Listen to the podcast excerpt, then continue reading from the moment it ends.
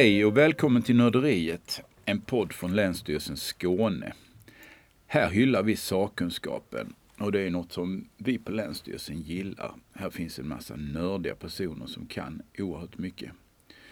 I vår podd får de utrymme att dela med sig av sina kunskaper.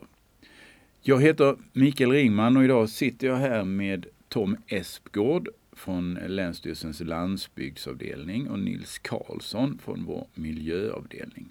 Välkomna hit. Tackar. Tack. Ni jobbar ju båda med viltfrågor och är med och driver projektet Vild och bortskämd. Bortskämd och det är det vi ska tala om idag. Vilt och föda. Eh, när allt funkar som det ska finns det ju lagom många djur i naturen som kan käka vad de behöver i skog och mark. Men eh, så är det inte idag. Nej, det stämmer. Eh, vi har eh, lite, det är ganska mycket konflikter kring viltet. Och det beror på sina ställen på att det kan vara lite mycket vilt på en plats. Men det beror också på att vi har ett väldigt hårt brukat landskap. Så det finns väldigt lite vildväxande foder som det vilda får äta. Så att det, är, det, är ett, det är ett lite komplicerat problem. Det var alltså Nils vi hörde här, ska vi säga, så vi snart får höra Tom också. Eh, maten i skogen räcker alltså inte till, eller skog och mark får man väl säga, räcker inte av olika anledningar. Den, den naturliga maten om man säger.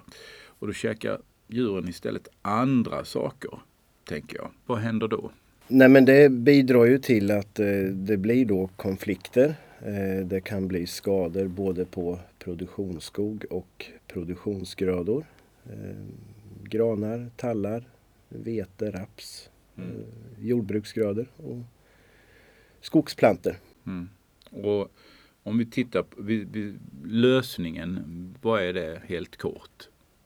Lösningen kan ju bestå i, i flera delar. Eh, det kan ju vara att man reglerar viltstammar som ofta brukar lyftas.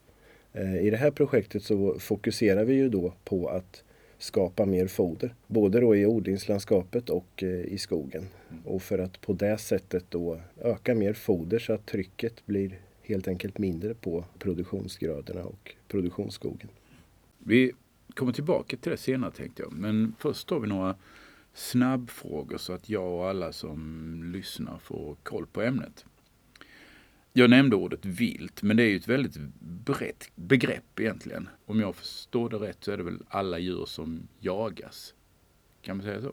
Är det en korrekt beskrivning? Det kan man ju säga. Och här pratar vi ju framförallt om klövvilt. De som har klövar. Ja, och vad, vilka arter ingår då i klövvilt? I klövviltet eh, räknas då älgen, kronhjort, eller kronvilt som man även kallar det, dovhjort, vildsvin, rådjur, eh, mufflon. Mufflon, vad, vad, vad är det och var hittar man det? Det är ju ett vildfår eh, som har eh, hållits i hängn. Det är alltså ingen naturlig art i Sverige. Men de har på sina platser kommit ut och bildat frilevande populationer lite varstans i Sverige. I Skåne också? I Skåne också. Ja. Var kan man hitta mufflon här? På Ryssberget till exempel i nordöstra hörnet så finns det en del mufflon.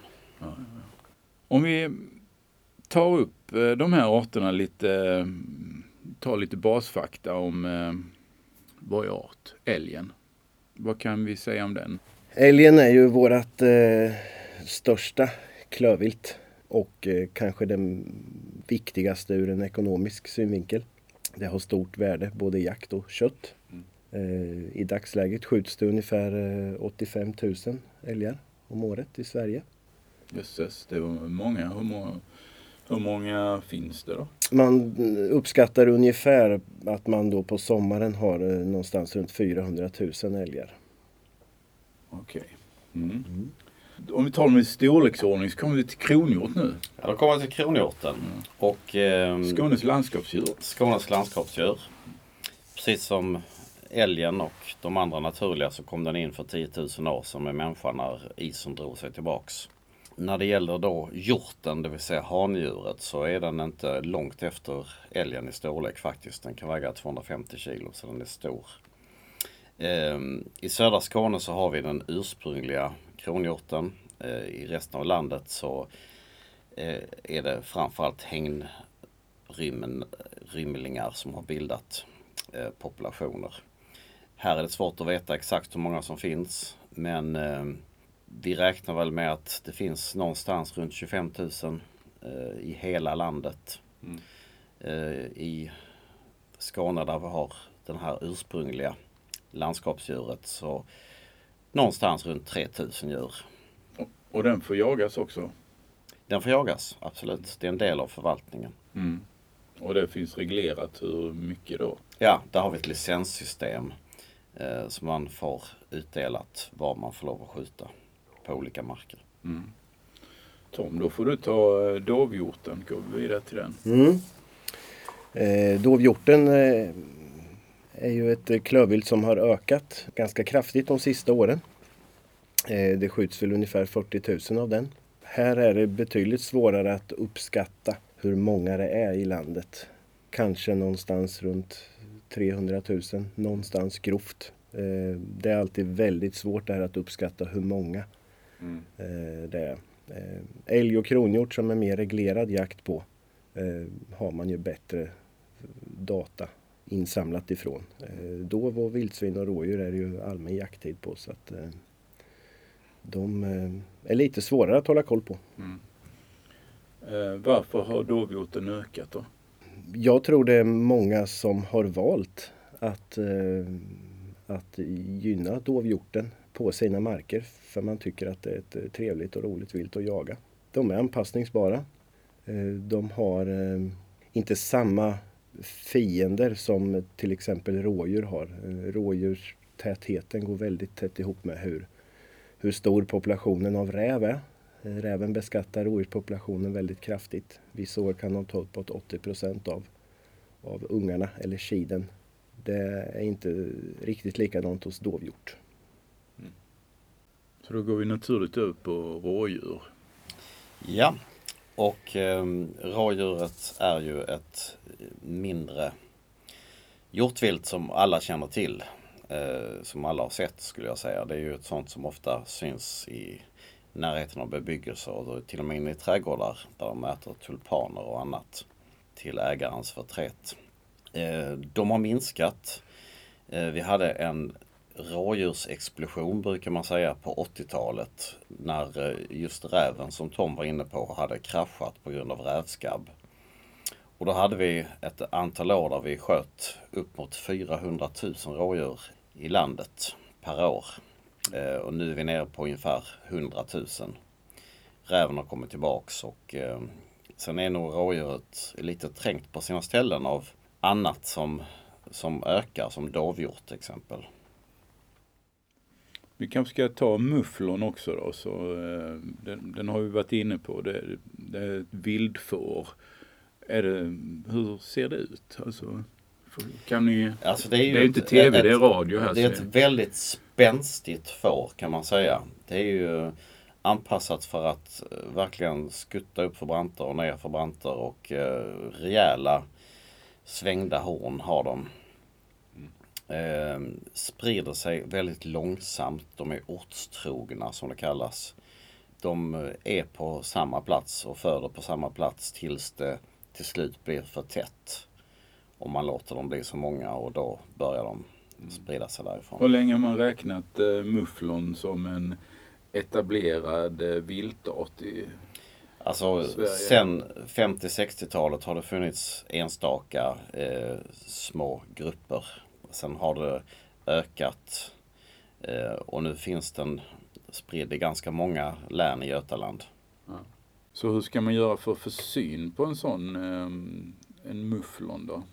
Eller ett mufflon, säger man det? Ja, ett mufflon. Mm. det man ska göra, och det gäller ju allt vilt, att vill man, vill man uppleva vilt så ska man åka ut väldigt tidigt. Och så ska man sätta sig i kanten av ett hygge eller en, ehm, en äng och sitta alldeles, alldeles tyst.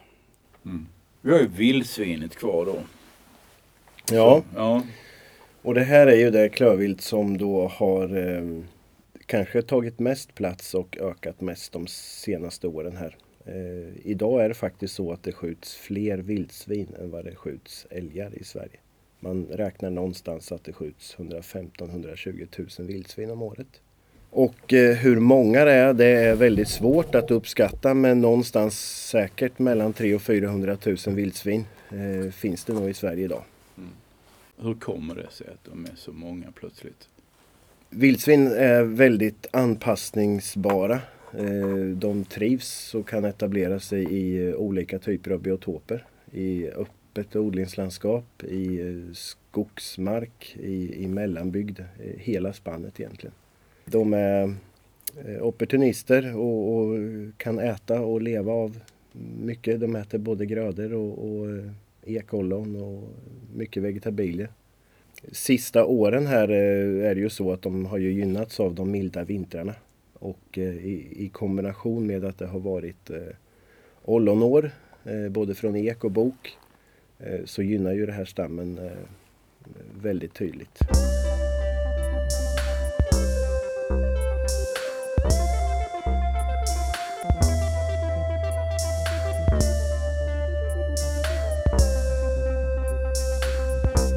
Går vi vidare till problematiken då. Fodret i skogen räcker inte. Finns det någon brytpunkt när det här blev ett liksom allvarligt problem? Alltså eh, den här utvecklingen började ju egentligen mitten av 1800-talet.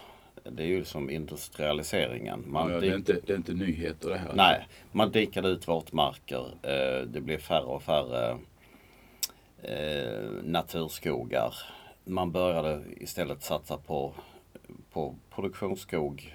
Man började odla upp sämre marker, ta bort odlingshinder och sen har det ju, har det ju fortsatt egentligen eh, till att bli mer och mer rationellt och större och större enheter och tyvärr också mer och mer ensartat. Om man tänker sig att eh, hjortar ger sig ut och liksom, de, de får syn på en trädplantering.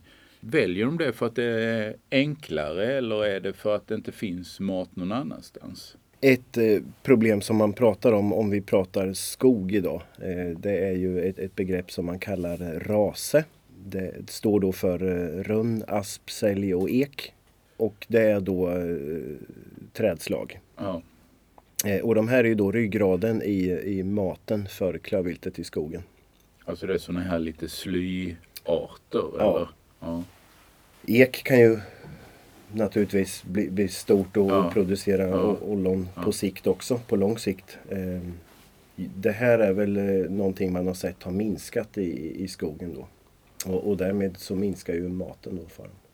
Mm. Och varför minskar eh, de här arterna då? Ja, det, det, är ju i sättet man brukar skog idag så, så, så, så röjer man ju bort det här för att ge plats åt mer produktionsträd då. Mm. Ehm, sen finns det ju naturligtvis flera olika åsikter här. Vad, vad, som, är, vad som är, finns det för mycket eh, vilt som äter upp allt det här rasen eller finns det för lite raser från början? Det, det är väl det man, eh, mm. man diskuterar. Mm. mm. Det finns flera sidor där.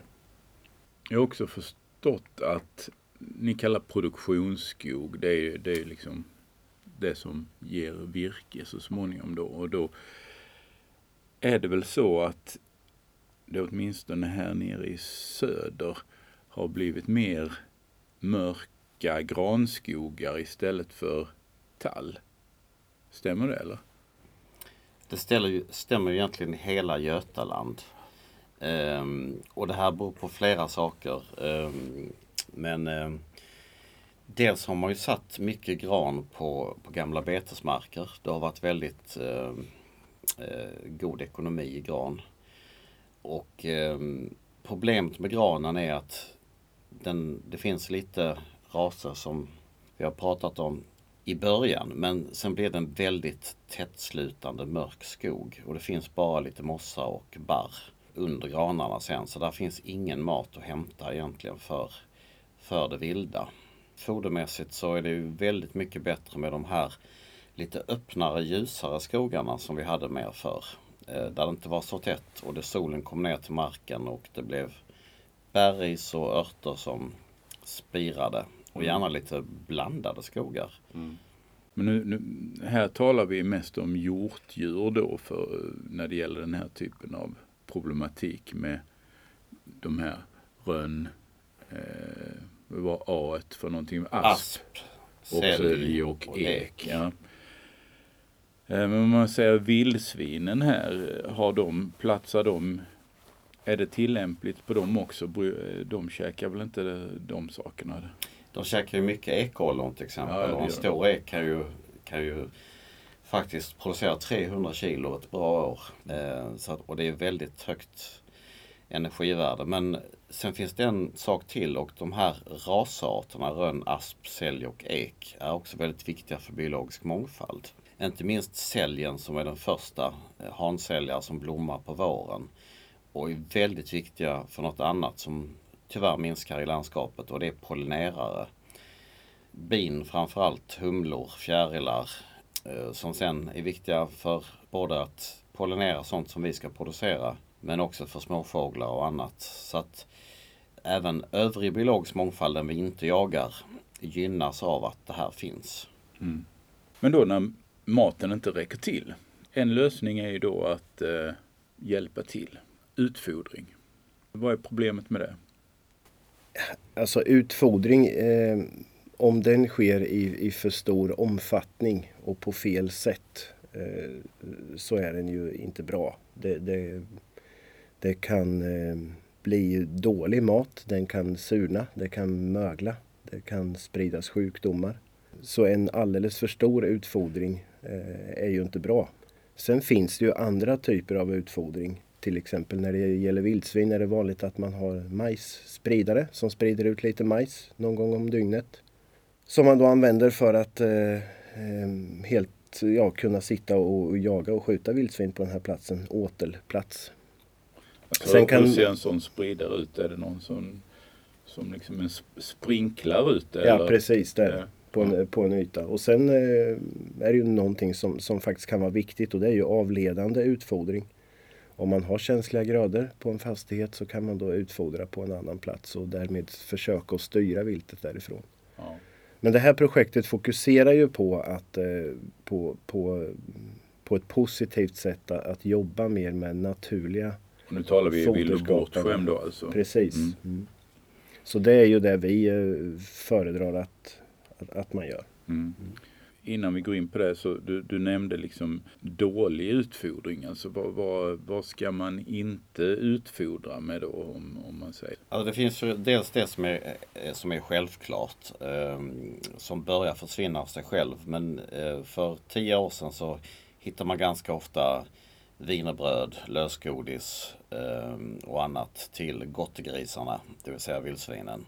Ja, ja. Så Eh, de fick tandtroll. Ja, alltså det, det, det, det är nog ingen som ställer sig bakom den typen. Men även utfodring med sockerbetor till exempel om det läggs i väldigt stora högar.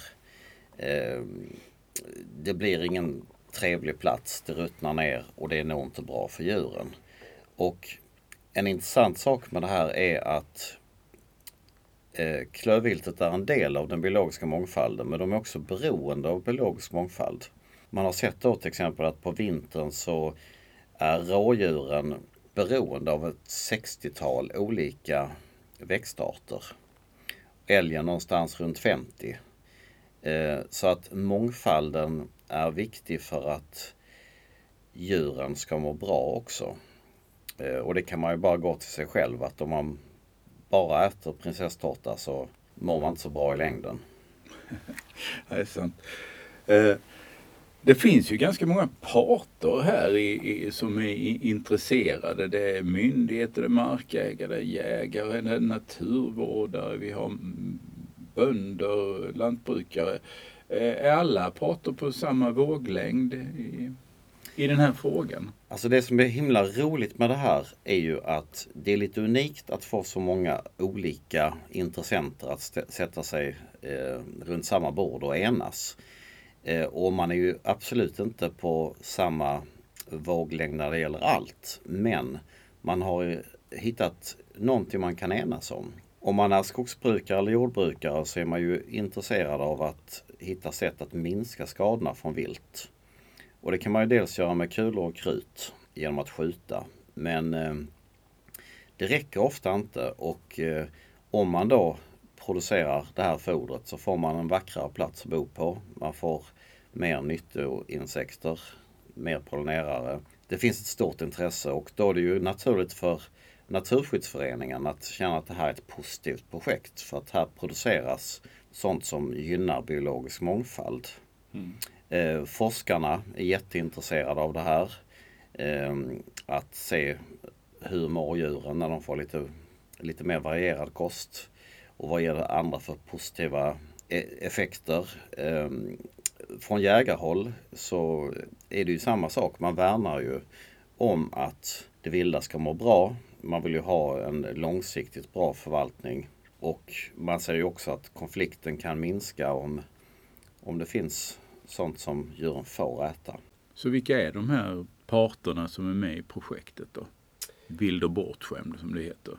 Ja, vi har ju eh, ganska många där. Det är ju då Länsstyrelsen eh, och eh, Skogsstyrelsen. Vi har Skogssällskapet, Naturskyddsföreningen Skåne. Vi har Jordägareförbundet, LRF, privata skogsägare, SLU och Halmstad högskola. Mm.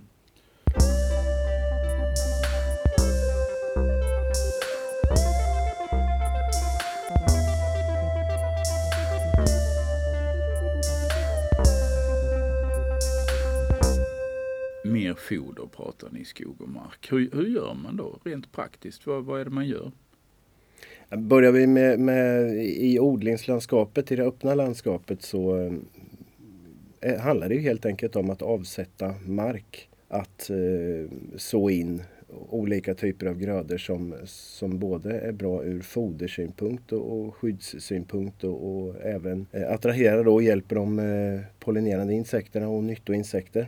Vi har inte bara de pollinerande insekterna som bin och humlor utan vi har ju jordlöpare, steklar, eh, spindeldjur som är nyttoinsekter då i, i landskapet och som eh, hjälper till att, eh, att faktiskt begränsa andra skadegörare, bladlöss till exempel.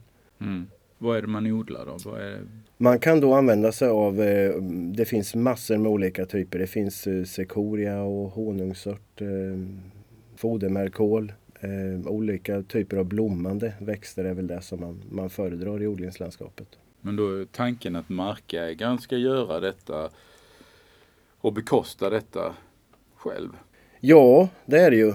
Eh, sen finns det ju då ett, ett, stödsystem som är väldigt omfattande och komplicerat. Men, men idag i, i slättlandskap då, där Skåne ligger och Västra Götaland och Östergötland så, så ska man då ha för att få sina jordbrukarstöd 5% ekologisk fokusareal som man kallar det.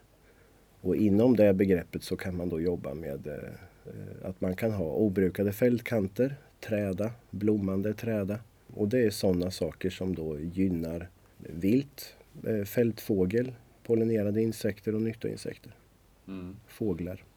Kan man se det här tydligt att det faktiskt ger effekt om, om, om man har problem med, med att de ger sig på någonting som man inte vill de ska göra. Och så gör, gör man den här typen av åtgärder. Är det så enkelt att då, då har man hjortarna där istället?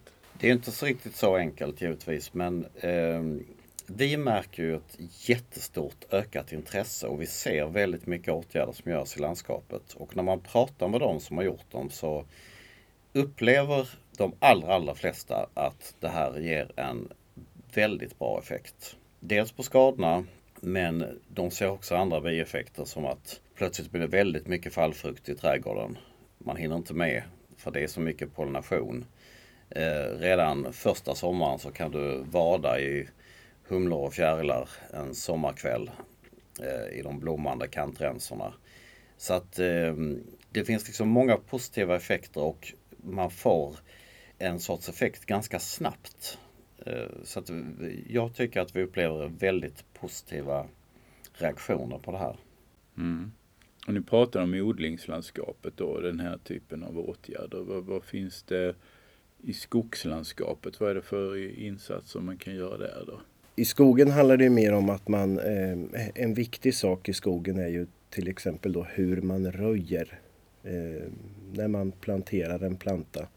Även om det är gran eh, så gör det ju ingenting att det är andra arter där. Rönn, asp, sälj, ek, eh, björk eh, bland de här granplantorna. Eh, och när man röjer istället för att röja rent helt runt de här så använder man sig av en teknik som heter runsbröjning. Då röjer man runt själva plantan så att den inte har konkurrens.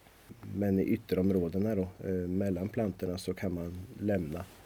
Och på så sätt så, så kan man ju faktiskt även på en, i en granplantering eh, ha ganska mycket foder. Eh, och på ett hygge så skapas ju mycket foder eh, ett antal år tills de här bestånden då sluts. Eh, då blir det ju inte så mycket mat mm. längre där. Och då får man ju jobba med att man kan ha eh, olika eh, områden, eh, olika bestånd. Så man inte jobbar med, med väldigt stora sammanhängande bestånd utan att man försöker att ha olika bestånd intill varandra. Och då kanske det inte gör så mycket att vissa bestånd är, är helt slutna. Medan andra bestånd då är, är hyggen eller eh, annan typ av skog. Mm. Mm. Men den här typen av röjning som du pratar om, att man inte liksom planar allt. Blir, blir det li, lika effektivt? Tycker de inte att det tar för lång tid? Nej, det tror jag inte. Det, det kan vara, det, det, här handlar om eh, röjning. Det har jag erfarenhet av själv. Så det vet jag att det handlar inte om att det går fortare att röja ner allting. Utan det handlar om att ha den, eh, besitta den kunskapen. Och den, eh, den ska ju de flesta ha som jobbar i skogen veta hur man röjer. Ehm, det kan till och med vara så att det är en, en större kostnad att röja allt. Hur går det med att föra ut den delen av budskapet? Då? Hur, hur är den kunskapen allmänt spridd? Är det så man hanterar det nu för tiden? det finns alltid, det, det, här är ju en information som, man, som vi jobbar med att sprida och som eh, de här organisationerna, intresseorganisationerna som är med i det här sprider ut. Röjning är en del som sagt. Vi har kraftledningsgator eh, som är ypperliga områden att skapa mycket foder i. Där kan det växa eh, mycket foder eh, för där går det inte att producera skog i alla fall. Vi har eh, olika typer av bryn det finns Bryn många. här, det är, det är liksom det är områden, precis, ja. kanter mot där skogen, mellan skog och fält kan man säga. Mm. Det, finns, det finns många områden i skogen som man kan jobba med att skapa foder i. Ja. Sen är det ju så att eh, man, man har, eh, där man har produktionsskog, det måste också finnas och det är ju jätteviktigt för Sverige som land viktigare förmodligen än vad många vet och tror. Eh, så det här är en, en utmaning men det här är ett jättepositivt projekt som just fokuserar på de här positiva lösningarna som det finns stora möjligheter att jobba med. För det är lite intressant att många av de här åtgärderna kan man ju göra just i liksom mellanrum och kantbitar och sånt som egentligen inte brukas. Alltså även i odlingslandskapet. Absolut, och det handlar ju mycket om att skapa variation i rum och tid. Och eh, längs en skogsbilväg eh, så kan du plantera in lite klöver. Eh, eh du har eh, en gammal tomt i skogen där du kan eh, göra en viltåker. Otroligt fint på en sommarkväll och gå dit och se fjärilar och fåglar när det mest är gran annars. Och vad är en viltåker? En viltåker är ju då där du, en, en, en plats där du sår in eh, blommande grödor och ätliga grödor eh, till det vilda. Mm. Och det som är lite spännande är ju att man kan göra ganska mycket med ganska små medel. Det handlar väldigt mycket om kunskap. och vi har ju tagit fram ett antal filmer som, som visar just vad man kan göra med väldigt små medel för att eh, både gynna biologisk mångfald, minska skador och ge det vilda klövviltet någonting nyttigt att äta. Mm.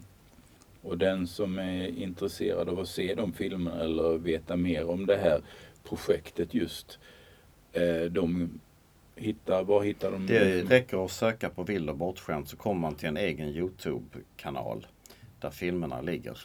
Hur ser det ut framöver då? Vilka är hoten och möjligheterna? Ja, men vi väljer att se eh, möjligheterna i det här projektet. Det har ju, finns ett jättestort intresse. Eh, både Nils och jag blir ju nerringda om eh, från olika typer av människor och organisationer som vill. Eh, och, och man, man söker kunskap här. Och, och, det är egentligen ingen jättesvår kunskap. Man har frågor om vart man kan göra de här åtgärderna, både i skogen och odlingslandskapet, vad man ska använda för grödor.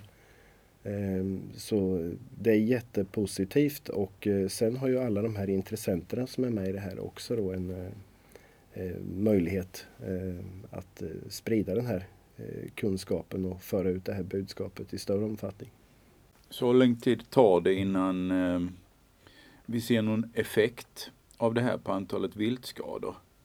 Jag tror att på sina ställen, i alla fall i jordbrukslandskapet, där man snabbt kan odla någonting som kommer redan första sommaren så att säga.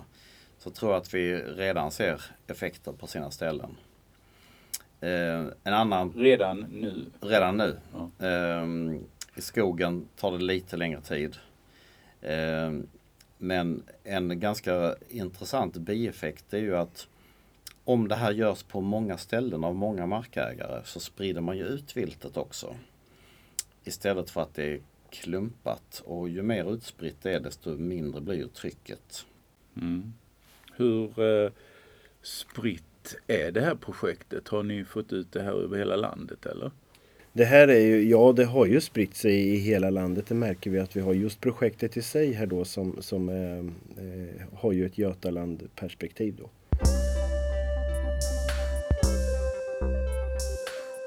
Tom och Nils, det har varit eh, superintressant att tala foderskapande åtgärder med er. Tack också till er som har lyssnat. Vi kommer återkomma med ett nytt avsnitt av Nörderiet om någon månad. Tack så mycket. Tack. Tack.